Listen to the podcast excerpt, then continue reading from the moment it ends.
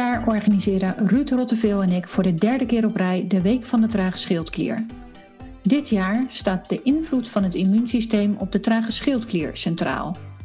Goede aanleiding om vrouwenarts en gynaecoloog Barbara Havenit nogmaals uit te nodigen voor de Happy Hashimoto podcast. Barbara, welkom.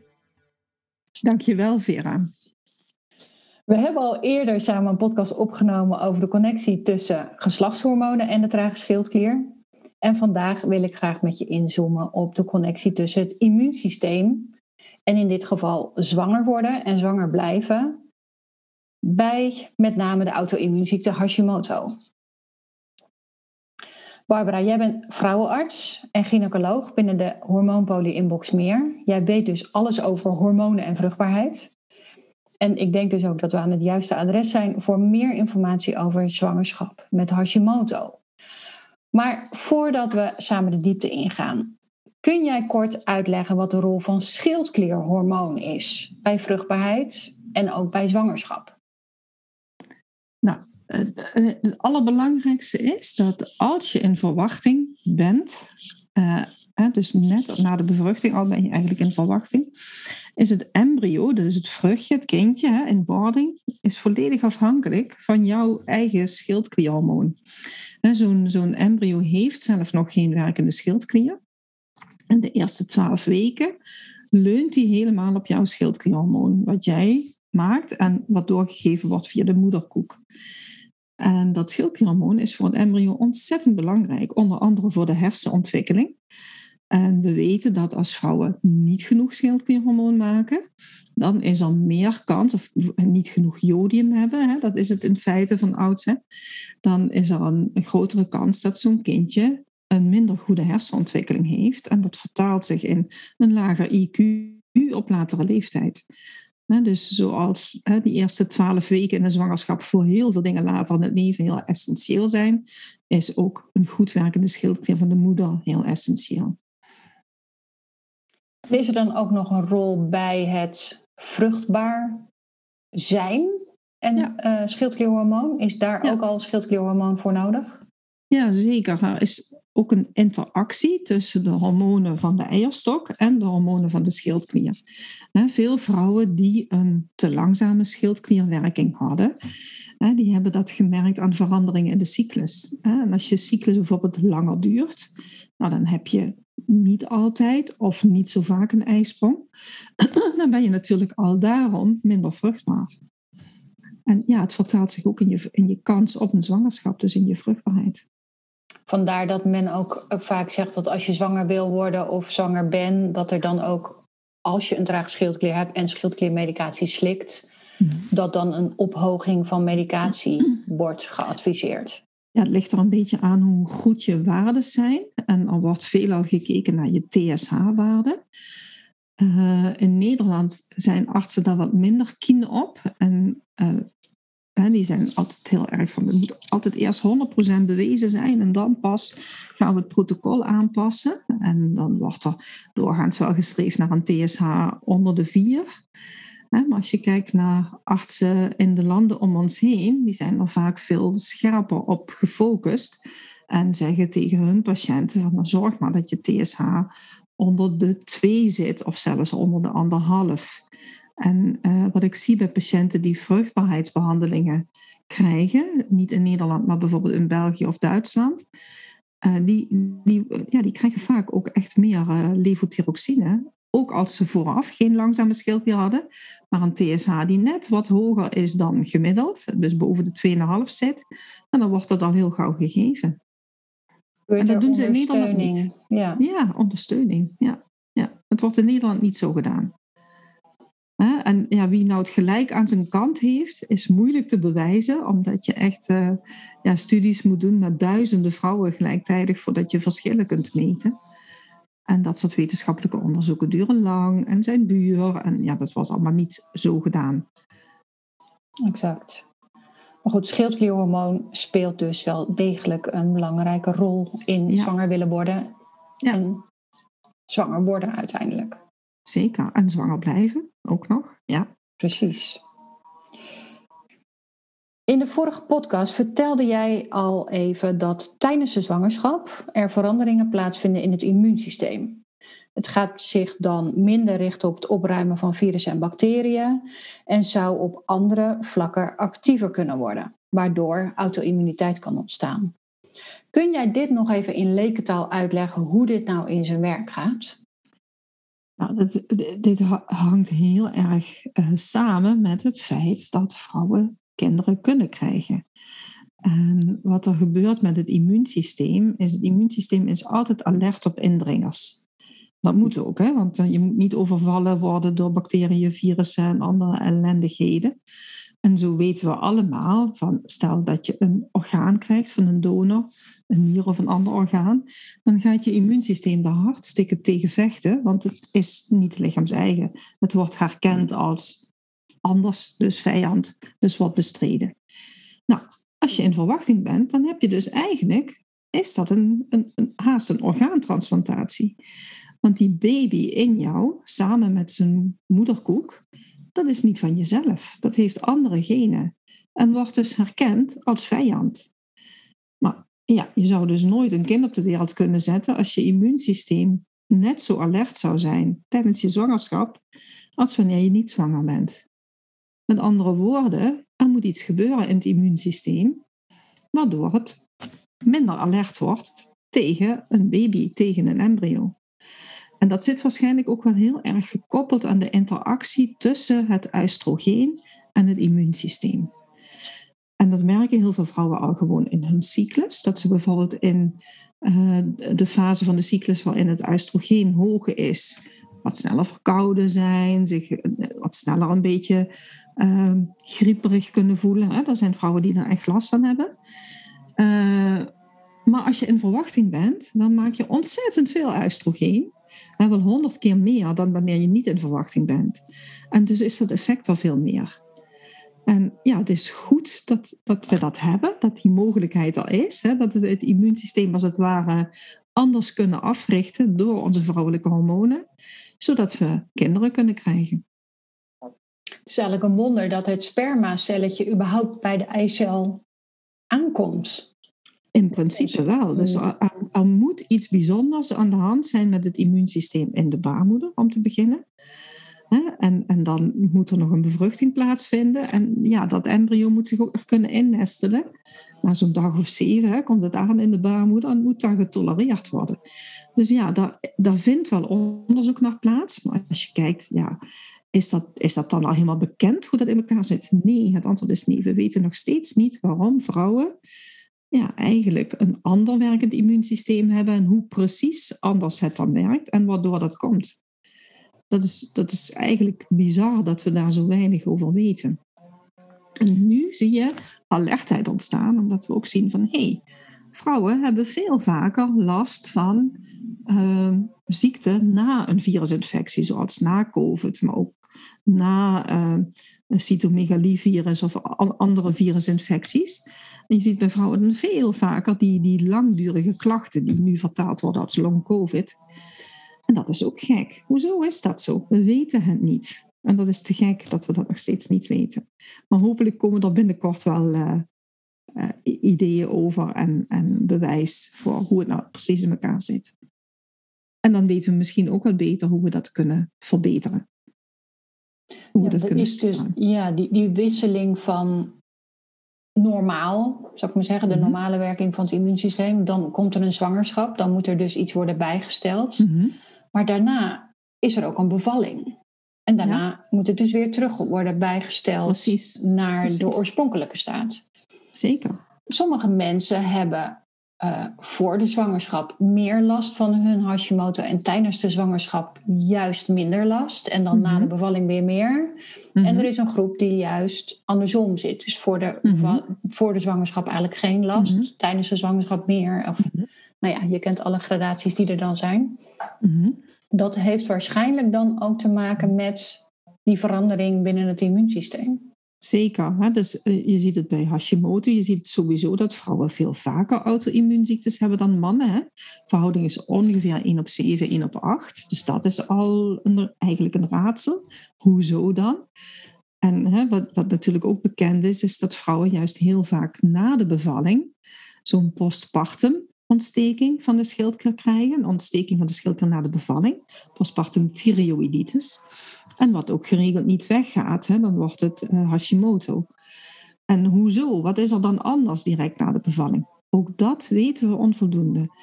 mogelijk heeft het ook iets te maken met die extreme activiteit van je immuunsysteem, juist na een bevalling, want je hebt een nogal grote wond in je baarmoeder, daar waar de moederkoek heeft vastgezeten.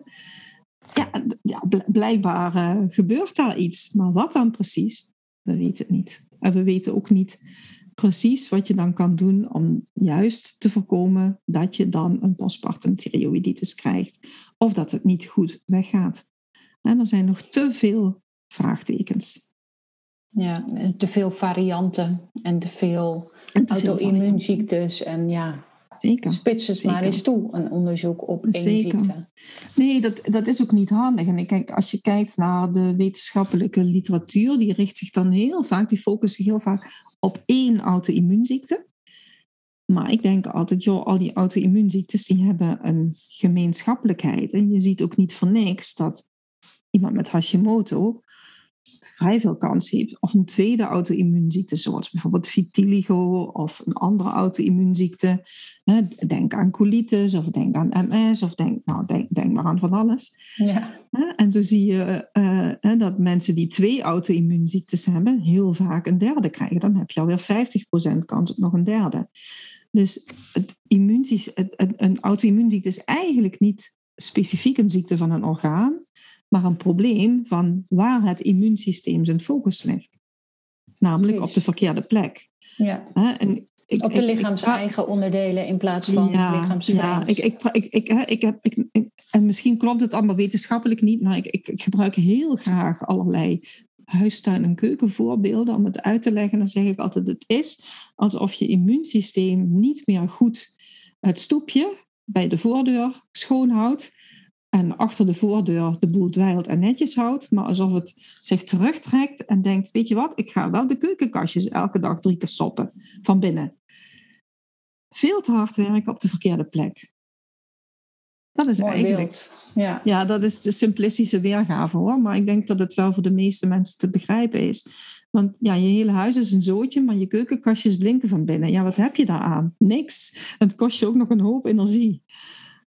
En, en in feite dus te hard op de verkeerde plek aan het werk. Ja, het zou fantastisch zijn als we weten waarom ze dat doen. Het dat klinkt als een OCD, een, eh, een, een, een, eh, compulsive disorder. Eh.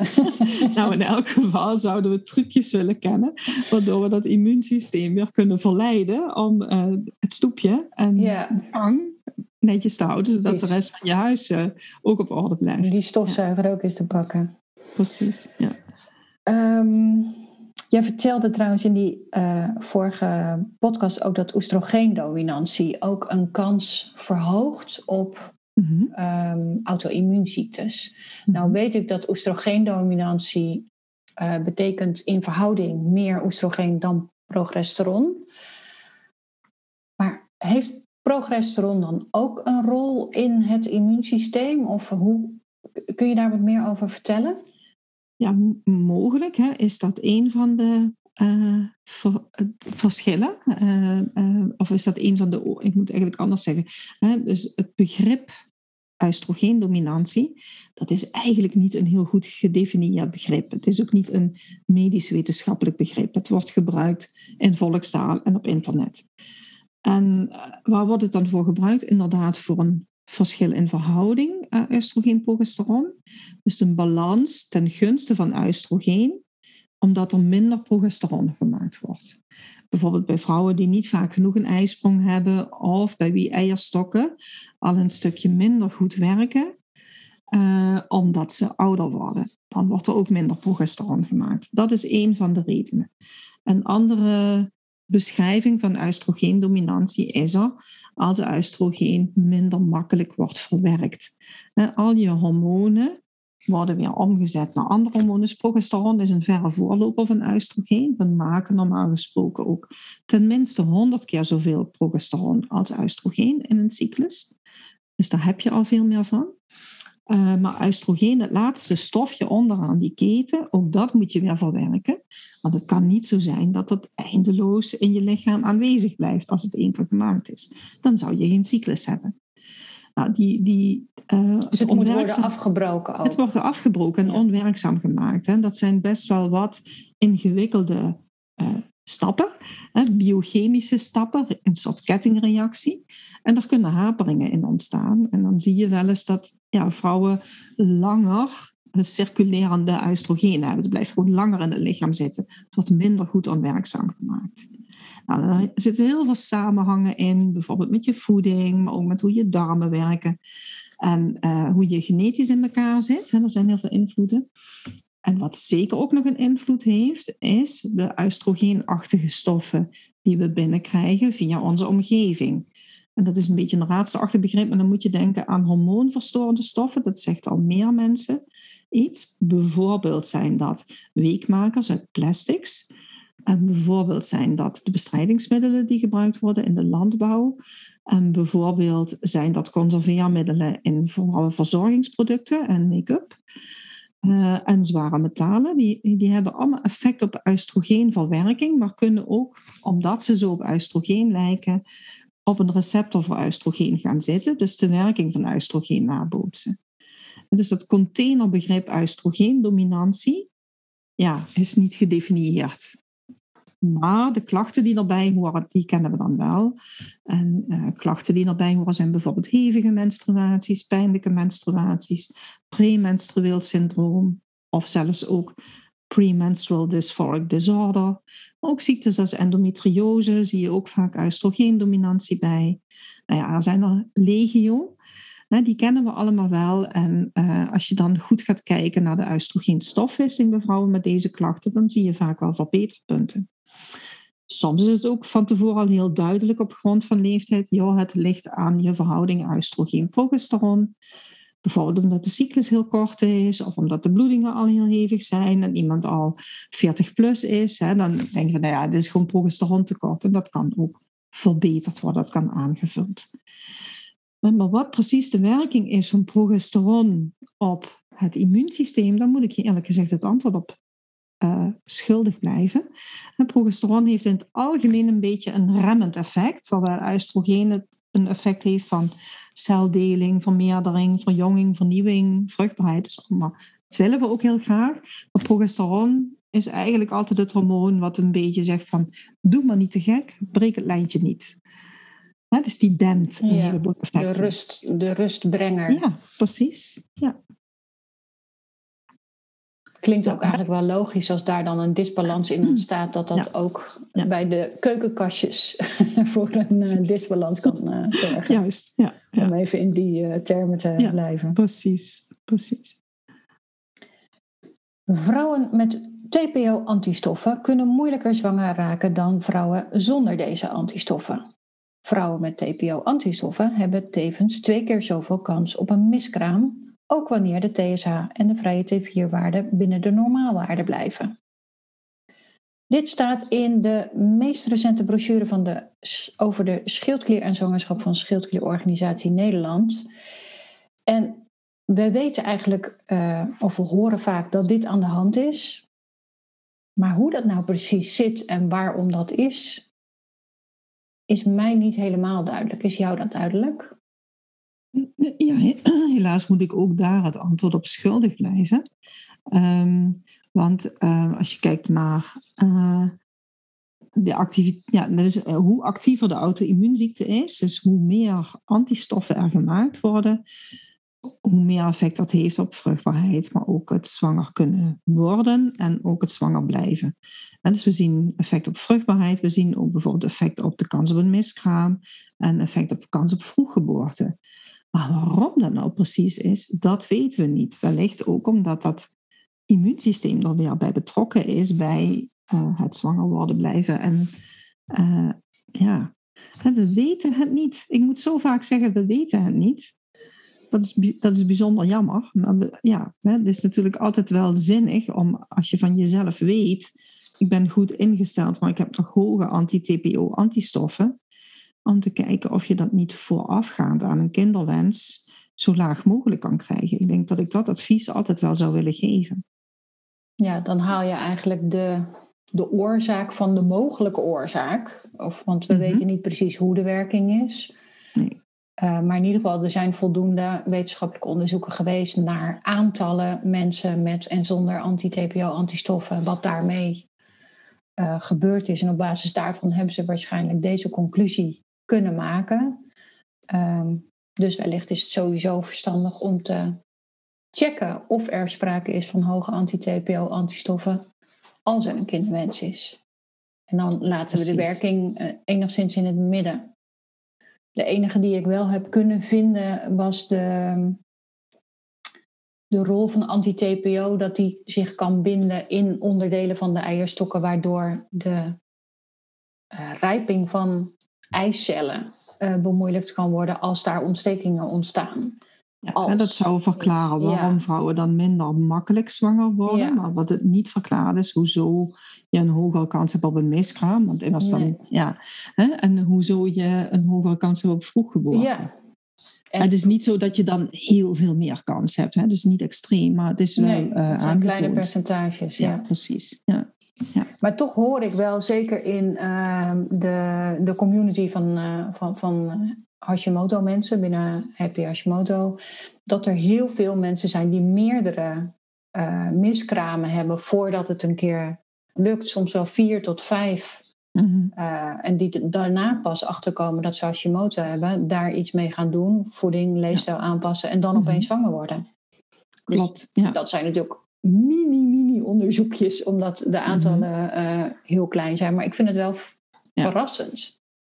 Maar weet je, eh, noem je dan ook wel het N is één onderzoek. Dus voor Ja. die ene individuele Ja. vrouw heeft het gewerkt. Ja, En ik denk dat dat heel positief is. En ik, hè, er zijn gewoon heel weinig langlopende wetenschappelijke studies met, met genoeg vrouwen om, om daar echt uitspraak over te kunnen doen. Eh, en zeker eh, onderzoeken die kijken naar leefstijl, anti-TPO en kans op zwangerschap. Die zijn er volgens mij gewoon helemaal niet. ik denk dat het ook een beetje te vroeg is. Ik denk wel dat de aandacht Ja. er eh, voor aan het komen is. Ik denk dat over Mhm. tien jaar het er allemaal wel al anders uitziet. Hè, maar als je nu kijkt, er wordt eh, leefstijlonderzoek, voedingsonderzoek. Hè, dat is allemaal heel ingewikkeld, want dan wil je dat mensen heel standaard eten. Dus dan moet je ze haast al elke dag drie keer een maaltijd voorschotelen, maar van tevoren bekend is wat erin zit. Hè, dat is dan meetbaar en dan mogen ze niet buiten de deur eten. Ja, dat is niet te doen Ja, om, om, om dat een jaar lang vol te houden met een Nee. grote groep. En, maar, maar dat is nu één keer hoe, hoe wetenschappelijk onderzoek gebeurt. Ja. Dus er wordt niet globaal naar voeding gekeken, maar nee, dat moet allemaal helemaal precies, want anders heb je te veel vari- variatie eh, en dan ja, hebben we al die variabelen, weten we niet meer of de uitkomsten klopt. Ja, oké, zoals wetenschappelijk onderzoek nu plaatsvindt, is dat zo? Ja. de vraag is of dat niet ook anders kan. Dus er zijn, er zijn echt wel ideeën over bijvoorbeeld een hele grote hoeveelheid NS1-onderzoeken op een grote hoop gooien. En dan kijken wat overeenkomsten zijn. Hè, da- da- daar zijn initiatieven voor, maar dat gaat allemaal nog heel moeizaam. Dat zou Ja. wel fantastisch zijn, want ik denk dat we met elkaar best wat NS1-onderzoekjes hebben afgerond ik. al. Dat denk ik. En als je kijkt naar eh, wat gunstig is om een Hashimoto tot rust te brengen, de TPO-antistoffen omlaag te krijgen, dat soort voeding, dat is gewoon ook gunstig voor heel veel andere klachten. En ook preventief is het heel gunstig. Dus ja, waarom zou je dat dan niet willen? Hè? Ja, precies. En ja, het is, het is haast bijzonder, maar er zijn nog steeds dokters die het zielig vinden om tegen hun patiënten te zeggen: je mag geen cola meer drinken, want het is zo normaal. Ja, dan komen we er niet. Nee, maar ik denk ook dat, eh, en dat, dat is weer een hele andere discussie, maar ik denk ook dat de huisartsen, want daar begint het meestal mee, eh, die hebben ook helemaal de, de tijd niet om dat soort advies te geven. Want als jij tegen, inderdaad tegen iemand zegt van joh, je mag je cola, of doe maar beter liever niet je cola, ja, dan moet je met goede argumenten komen, wil iemand dat colaatje laten staan. En daar heb je geen tijd voor in 10 minuten. Dus ik denk dat het daar al ehm, lastig Mhm. wordt. Ja, ik denk dat dat klopt. Ja. Hè, dus eh, nou ja, ik, ik moedig het ook altijd heel erg aan eh, dat eh, vrouwen die mijn praktijk bezoeken zelf op onderzoek uitgaan en zelf dingen lezen. Ze krijgen ook altijd een hele stapel links mee met van kijk eens hier, kijk eens daar, lees dit, lees dat. Fantastisch. Ja, maar dat is al fantastisch. Want als je sowieso verbaast het mij nog steeds dat er zo weinig mensen überhaupt bij de diagnose trage schildklier horen dat het gaat om een auto-immuunziekte. In Mhm. mijn ogen begint het daarmee met die Mhm. wetenschap dat je niet een schildklieraandoening hebt waarbij je schildklier kapot is en het niet meer doet, Mhm. wat een hoop mensen nog steeds denken. Maar dat het een auto-immuunziekte is die zich toevallig richt op de schildklier. Maar dat er met leefstijl heel veel baat te vinden is in aanpassingen voor voeding en leefstijl. Maar dan moet je A weten dat, er, dat je überhaupt een auto-immuunziekte hebt. Mhm. En dan zou het heel fijn zijn als je linkjes meekrijgt van joh, lees hier eens of lees hier eens. Mhm. Mhm. Klopt. Maar, maar nu wordt het nog heel vaak eh, ja, gezien als lastige vragen als je zo'n vraag stelt, bijvoorbeeld aan de huisarts of aan een internist. Hè. Ik had laatst weer een mevrouw op mijn spreekuur die eh, een vroeggeboorte had gehad en daarna twee miskramen had gehad. Hashimoto, hoge anti-TPO-antistoffen, vraagt aan haar internist, kan die schildklierinstelling misschien te maken hebben met dit probleem? Kan voeding daar invloed op hebben? Nee hoor, voeding heeft geen relatie. Dat vind ik jammer. Ja, ja, Ja. vind ik ook heel jammer. Dat vind ik nog Ja. een understatement hoor. Jammer. Heel verdrietig. Eh, Ja, dat is verdrietig. En, en vooral ook omdat je patiënten onmondig maakt. En eh, ja, eigenlijk doet alsof je als dokter dan alle wijsheid in pacht hebt. En weet wat goed is voor die ene patiënt. Omdat je de onderzoeken hebt die zeggen... wat goed is voor 100 mensen... gemiddeld genomen moet goed zijn voor één iemand. En ja, dat is helaas niet zo. Nee, zeker niet bij het menselijk lichaam. Dat is zo. Dat is bijna achterhaalde gedachte. We zijn allemaal zo uniek. Maar inderdaad, als je zegt nee, voeding kan het niet doen, daarmee heb je eigenlijk een soort. eh, niet een status quo, maar het is een, een vastgesteld feit, een voldongen feit waar je voor staat. En dat is het. Er is dan ook geen perspectief meer op. eh, punt, geen perspectief meer. En dat is eh, zonde. Dat is heel erg jammer. Maar goed, Ja. Jij en ik zien elke dag weer verhalen in de praktijk die laten zien dat wanneer je als vrouw, patiënt, het heft in de handen neemt, en dat je dan wel degelijk eh, verbeteringen kunt krijgen in restklachten, maar ook in kinderwens, vervulling, eh, zwanger blijven, gezonde Ja. kinderen op de wereld zetten. Als jij die, die vrouwen bij jou in de praktijk ziet, hè, met ehm, Mhm. kinderwens of al zwanger eh, en hoge anti-TPO-antistoffen, want Mhm. die hou jij volgens mij wel eh, in de Ja, gaten of zeker. controleer je. Mhm, Tuurlijk. Wat is jouw advies dan met jodium? Want als zwangere, eh, weet je, is het belangrijk dat je voldoende jodium hebt, omdat je het Ja. niet alleen voor jezelf nodig hebt, maar ook voor het embryo. Maar er zijn toch ook al wel de nodige onderzoeken inmiddels dat bij sommigen, ook hiervoor geldt weer niet voor iedereen, eh, dat hoge anti-TPO-antistoffen en suppletie met jodium niet altijd even slim is, omdat Nee. Je, go- jodiumsuppletie... je gooit eh, olie op het vuur hè, als Ja. je alleen jodium suppleert. Ja, Eh, en dan zijn er weer artikelen die zeggen van ja, als je maar gelijktijdig ook selenium Ja. op een voldoende hoog niveau houdt, hè, dan ontstaat er geen binnenbrand door jodium. Eh, maar ook, we weten het allemaal niet heel goed. Wat we wel weten is dat zeker later in een zwangerschap zo'n kindje heel erg afhankelijk is van de jodium die moeder binnenkrijgt. En dat zwangeren in het algemeen meer jodium nodig hebben dan niet-zwangere vrouwen. Hè? De Mhm. ADH in Nederland is vastgesteld op 150 microgram per dag. Maar voor zwangeren is het 225 microgram. En dan is het nog best bijzonder dat bijvoorbeeld in Duitsland de ADH 250 is en in Oostenrijk 275. Dat vind ik altijd bijzonder. En ik geloof in, in Japan is het nog veel meer. Die zitten ze op 400. Het zijn toch echt wel allemaal mensen, zeg maar. Die zitten niet anders in elkaar. Dus hoe, hoezo varieert dat zo? Ehm, nou, en wat we ook weten is dat de meeste mensen in Nederland, de meeste vrouwen in Nederland moet ik zeggen, tenminste 50% van alle vrouwen in Nederland krijgt niet genoeg jodium binnen. Dus het is zeker zinvol om nog eens een keer te berekenen aan de hand van wat je eet. Er zijn tabellen voor, om eens te kijken van krijg ik al genoeg jodium binnen, gemiddeld genomen.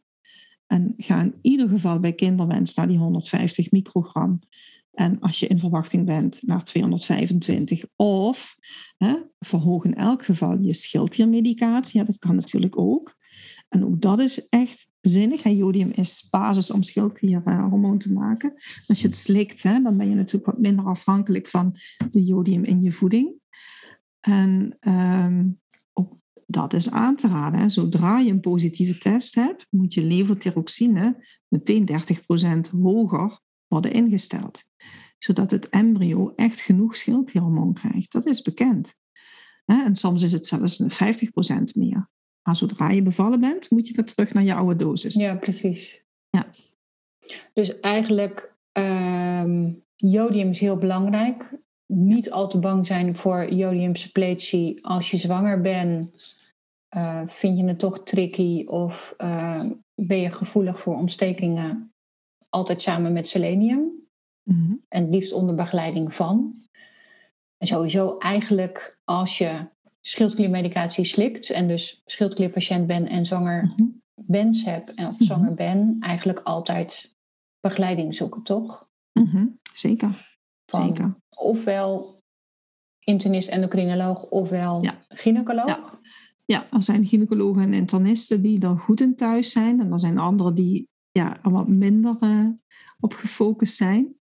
Ja, en heel vaak worden vrouwen met tussen aanhalingstekens alleen Hashimoto ook gezien door verloskundigen en eigenlijk niet goed begeleid in het ophogen van medicatie en het controleren van waardes. En er wordt gezegd van, oh ja, nee, TSH is, is twee uur, mevrouw, prima. Terwijl het juist in de zwangerschap wil je hem graag echt super laag hebben. Dat is goed. En je voelt je dan niet hyper. Hè? Dat is, laat ik dat voorop stellen. Dus je moet niet bang zijn hyper te worden als je zomaar 30% extra levothyroxine gaat slikken in de zwangerschap. Het gebeurt Omdat niet. dat extra uh, Het is echt hormoon rechtstreeks naar de, het embryo gaat. En Nou je ja, niet helemaal... Ja. Nee, nee, je wordt er niet hyper van. Nee. Ja. En zowel kan je altijd natuurlijk weer een beetje terugschalen. Ik bedoel, je dat bent kan erbij. natuurlijk altijd nog. Natuurlijk.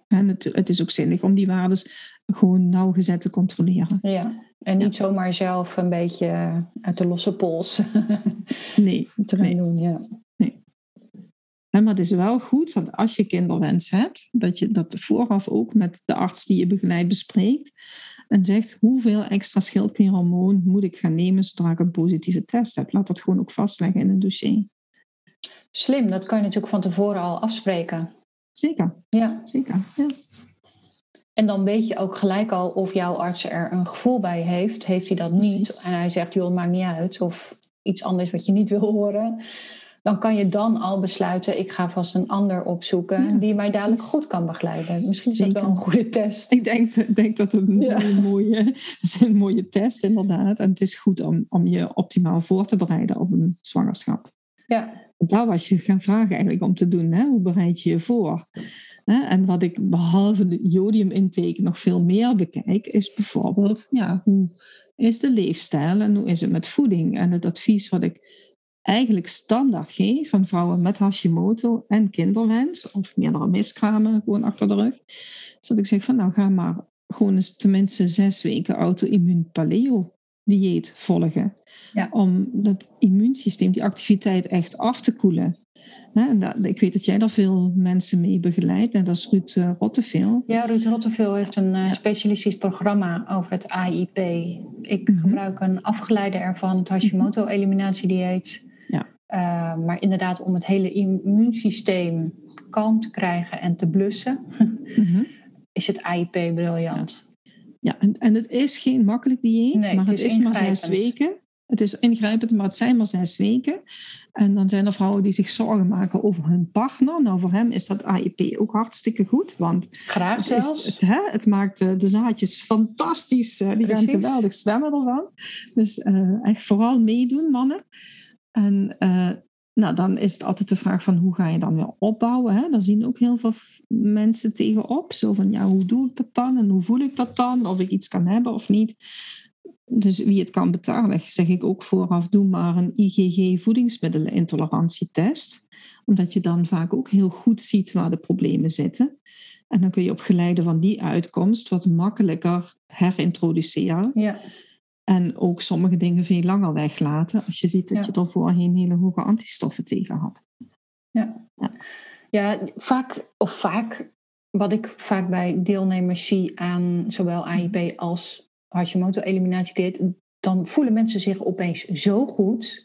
Mhm. En er komt zoveel energie en levenslust Mhm. terug, dat er ook een beetje angst is om weer te gaan introduceren. En dat is Mhm. ook, ja, dat is ook niet nodig. Want zodra je dan klachten terugmerkt, eh, voelt komen, ja, dan schrap je die weer. En dan weet je dat en dan heb je die winst te pakken voordat je zwanger wordt. Dus Precies. ik zie alleen maar winst. En als de partner er tegenop ziet dat jij dat gaat doen, ja, weet je, alles voor de, voor de goede bevruchting en alles voor de goede Precies. zwangerschap. Nee, ik ben het er zeker eh, ook mee eens. Dat is echt een investering in je kinderwens, maar ook een investering in je eigen gezondheid op langere termijn. Ja. En dan is AI AIP, dat is natuurlijk de afkorting voor eh auto-immuun paleo eh, dieet.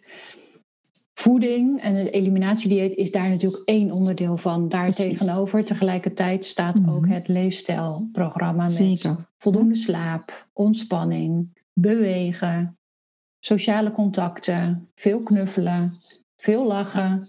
Heel belangrijk. En niet te vergeten af en toe je lijf een beetje uitdagen met kou en warmte. Dus koud douchen, je hoeft niet koud te beginnen, maar wel koud eindigen. Warmte, dus ook sauna. Oké, mannen niet te vaak vanwege de zaadjes. Ja. maar Het is voor vrouwen heel goed. Infraroodsauna. hè. Dus, dus gewoon echt die extreme opzoeken. Maar ook gewoon af en toe eens niet eten. Gewoon een keer honger hebben. is heel goed voor de flexibiliteit van je lichaam. Ja. En de ademhalingsoefeningen die we kennen van Wim Hof. Hè. Ja. Zoek ze maar eens op op YouTube. Dan zie je allerlei filmpjes die het voordoen. Dat is ook heel goed. Dus af en toe te snel ademen, een, een minuut. En dan zo lang mogelijk niet ademen. Eh, natuurlijk haal je wel adem na een tijdje. Ja, je moet niet stoppen met ademen. Nee, maar dat, dat is heel goed. Het daagt werkelijk je lichaam uit. En als je het af en toe uitdaagt, dan blijft het flexibel in het kunnen omgaan met veranderingen. En wat is er nou een grotere verandering als een zwangerschap? Daar gaat het om. ja, daar gaat het zeker om. Deze eh, dingen zijn perfect om al in te zetten voordat je überhaupt zwanger wordt, dus kinderwens hebt. Als je nou zwanger bent, Mhm. kun je dan al deze dingen ook doen? Of is het dan, moet je dan iets rustiger aandoen met veranderingen doorvoeren? Ja, ik denk dat het wel kan. Je kunt heel veel met voeding, ook als je in verwachting bent. Je hoeft ook als je in verwachting bent niet zes keer per dag te eten, wat soms wordt gedacht. Je hoeft sowieso niet extra te eten. Je hebt, ik geloof, iets van 100 gram extra voeding nodig eh, in de laatste drie maanden. Het valt allemaal echt ontzettend mee. Dus, eh, hè, Geen excuus meer om nog eh voor twee te mogen eten. je hoeft geen extra drop en extra chocolade te eten. je mag je af en toe best wel wat gunnen hoor, daar gaat Zeker. het niet om. Hè? Ehm, en eh, ja, ik ken geen contra-indicaties voor AIP in de zwangerschap, maar ook dat is gewoon niet onderzocht. We weten het gewoon niet of het dan ook kan. Hè, waar je in elk geval, denk ik, op moet letten als je één keer in verwachting bent en je weet dat je Hashimoto hebt. Hè, je hoort deze podcast te laat, zeg maar. Dat je zegt van nou ga nou maar eens echt zo gezond mogelijk, zo vers en onbewerkt mogelijk eten. Met ruime groenten, dat wil zeggen bij zeker twee maaltijden per dag, liefst twee, drie kleuren groenten per keer op je bord. Dat is al heel gezond. Heel veel polyfenolen, allerlei hulpstofjes die je immuunsysteem nodig heeft, zitten in groenten. Nou, eet onbewerkt, dus niets wat in de supermarkt al in een verpakking zit, in een wikkel zit. Eh, want daar is vaak suiker aan toegevoegd. Probeer ook zoveel mogelijk suiker te, te schrappen. Nou, wellicht is het ook zinvol om de gluten- en eh, melkproducten zoveel mogelijk te beperken. Maar goed, daar is iedereen verschillend in. En lang niet iedereen reageert daar heftig op, maar dat kan helpen. En eet eh, genoeg vette vis. Of suppleer omega-3 vetzuren, want ook die zijn hartstikke belangrijk. Hè? Is, het is heel interessant, er was erg, eh, gisteren, we krijgen dagelijks zo'n vraag van de Vereniging van eh, Gynaecologen.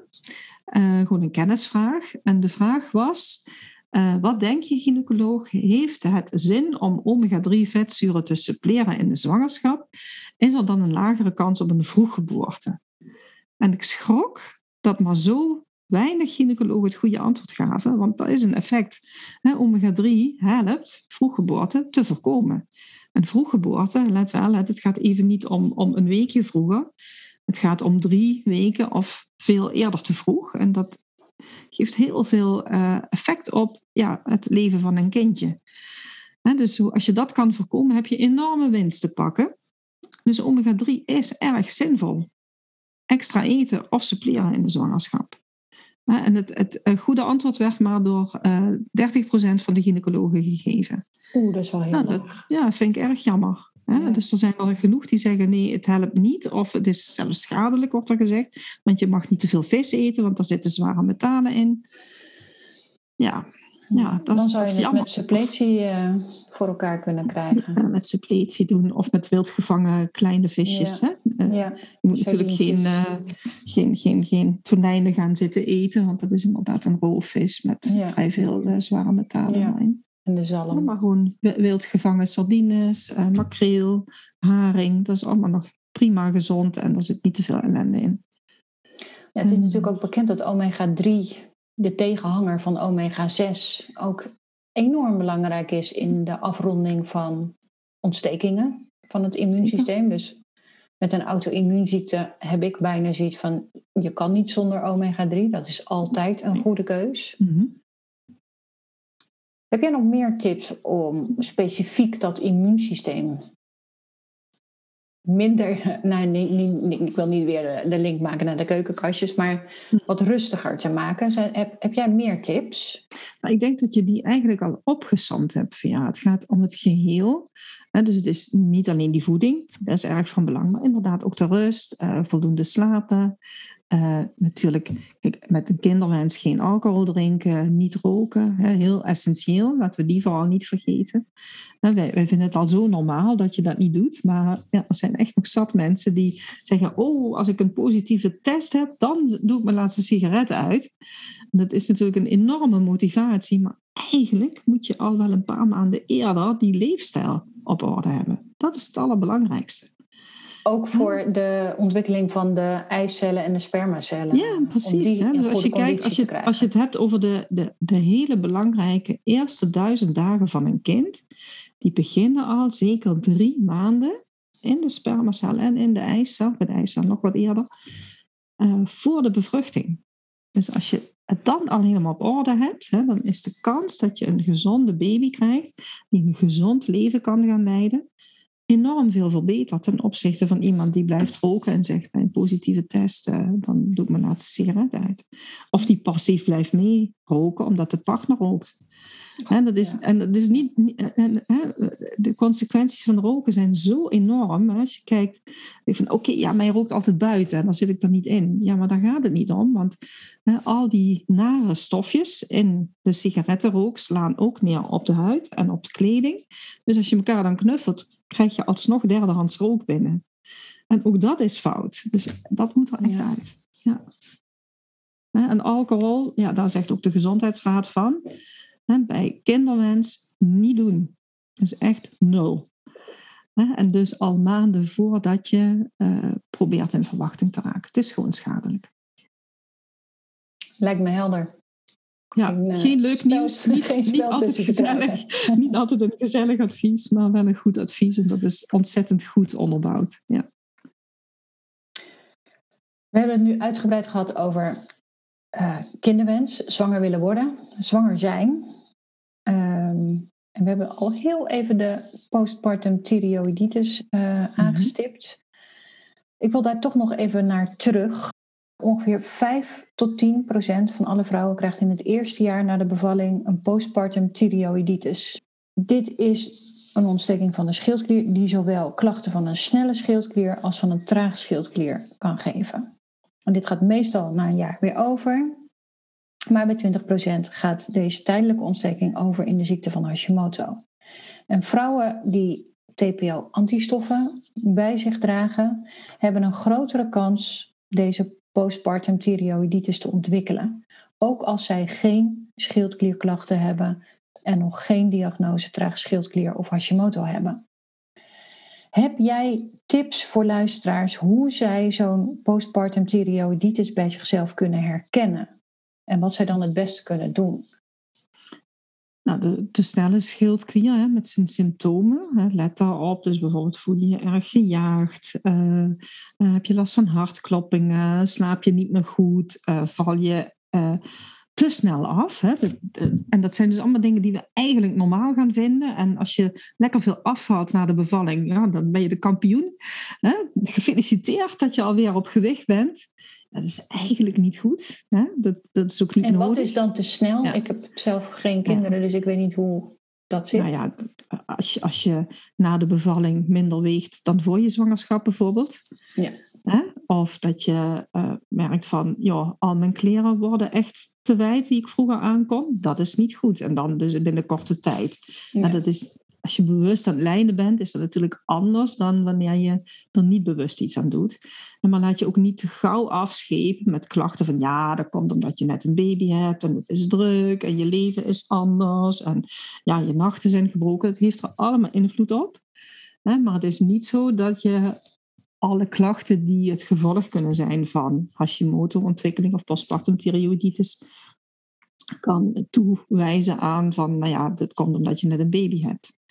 En dus dring op tijd aan op onderzoek als jij je niet goed voelt. Dat is één. Dus dat is meer dan vermoeid zijn, maar ook klachten van je niet helemaal lekker, iets somberder, uh, haaruitval, de, de, meer klachten. Er is ook een associatie met de uh, postpartum depressie. Dat zie je ook vaker bij vrouwen met, uh, met Hashimoto of met postpartum thyreoiditis. dus het is ja, altijd... Ik heb begrepen dat daar ook 10 tot 15 procent uh, van de vrouwen die bevallen krijgt te maken van een postpartum depressie. En dat is dan niet uh, hetzelfde als de mensen die in de kraamtijd even die baby blues, die vanzelf weer overgaat. Maar de postpartum depressie is serious business. En die ontstaat meestal volgens mij in de maanden na een bevalling. Ja, het kan tot zes maanden na een bevalling. Zelfs nog dat langer het dan pas begint. Dan na optreden, ja, dat kan. Ja. En dat duurt ook. Uh, dat kan, gaat wel over, maar duurt ongeveer een jaar of kan zelfs langer ja, duren. Kan, kan zelfs langer duren, ja, precies. En hoe herken je dat bij jezelf? Nou, hè, dus, dus te veel sombere gedachten of te vaak het idee: ik wil dit niet, ik wil een ander leven, ik wil dit leven niet meer. Hè, dat zijn natuurlijk hele serieuze, ernstige gedachten. Dus niet meer blij kunnen zijn, niet meer kunnen genieten van fijne dingen bijvoorbeeld. Hè, of je continu schuldig voelen omdat jij je niet blij voelt. Kan ook een symptoom zijn. dus ja, trek op tijd aan de bel bij je, je huisarts of bij je gynaecoloog of je verloskundige als je dit soort klachten hebt. Kunnen die daar dan ook iets mee doen? Of krijg je dan een verwijzing naar ja, wat, nou, uh, nou, wat er heel vaak gebeurt in Nederland is... oké, nou, dit is een postpartum depressie. Dus je krijgt antidepressiva. Mm -hmm me zeker ook wel helpen. Hè. Ik zeg niet dat het allemaal onzin is, maar helaas hebben die ook vaak wel bijwerkingen, die antidepressiva. En uh, ja, je camoufleert meer het probleem dan dat je het oplost, denk ik. Ja. ja. Want ook hier geldt dus weer voor, net zoals bij uh, de postpartum thyreoiditis, mm. dat met vrouwen met auto-antistoffen, anti-TPO, mm dat die dus ook weer een hogere kans hebben op postpartum depressie. Dus ik denk dat wij in een samenvatting afrondende fase komen, dat we eigenlijk ook hiervoor kunnen zeggen van joh, mhm. ga aan de slag voordat je überhaupt zwanger wordt met die mhm. algehele mhm. gezondheid. Ja, en neem jezelf serieus als je klachten hebt. En waar we nog naartoe moeten, is dat ook dokters gaan zien dat vrouwen andere klachten hebben dan mannen.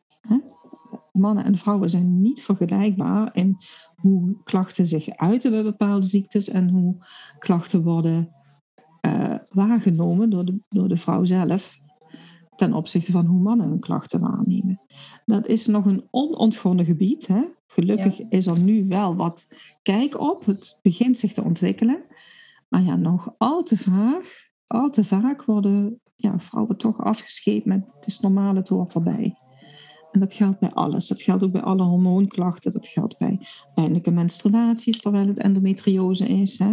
Dat geldt voor hevige menstruaties, terwijl je myomen hebt. Het geldt voor PMS, terwijl je uh, elke maand met zelfdodingsplannen rondloopt. Het wordt heel vaak afgescheept. Het hoort erbij. Het gaat vanzelf Ja. een keer over. Dat is waar. Het gaat altijd allemaal Ja. een keer over. Overgangsklachten gaan altijd ook een keer vanzelf over. Ja. Maar soms pas na twintig jaar. En dat is jammer. Terwijl er wat aan te doen is. Ja, Ja, precies. We moeten ook af dat we onszelf opleggen dat we er maar mee moeten leren leven. Dat hoeft precies. bij heel veel dingen niet. Nee, zeker niet.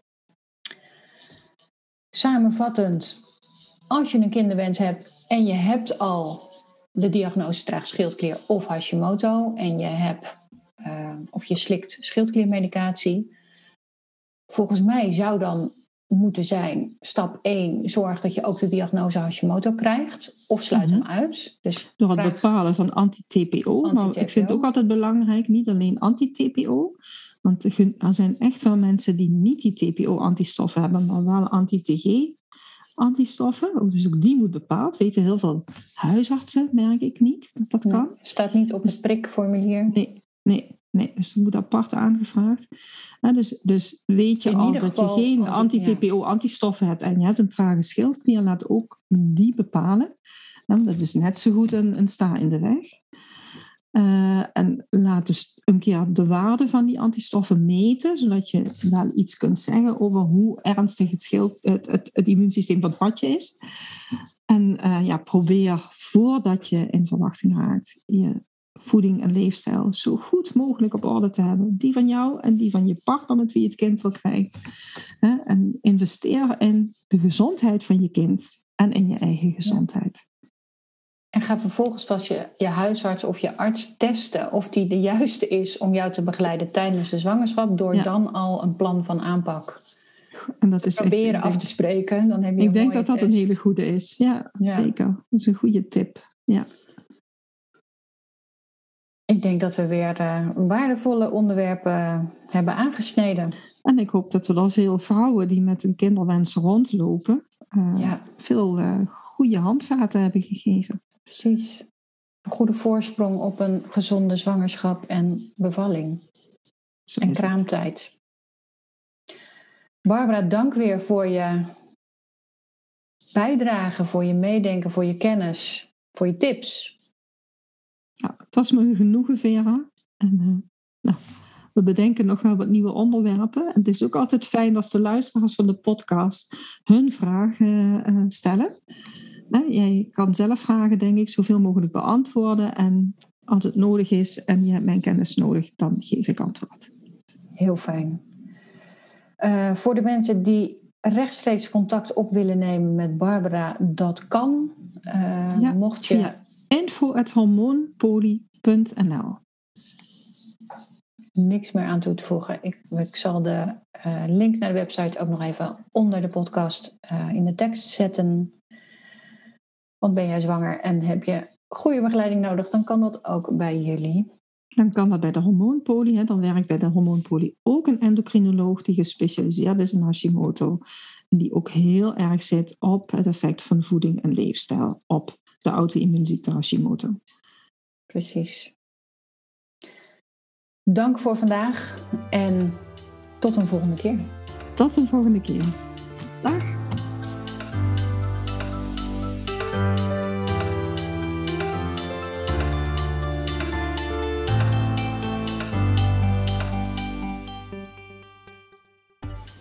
Wil jij meer weten over de invloed van het immuunsysteem op jouw trage schildklier? Ga dan naar www.trageschildklier.com. Daar vind je alle andere informatie die wij deze week tijdens de week van de trage schildklier gratis ter beschikking hebben gesteld. Bedankt voor het luisteren en tot de volgende keer.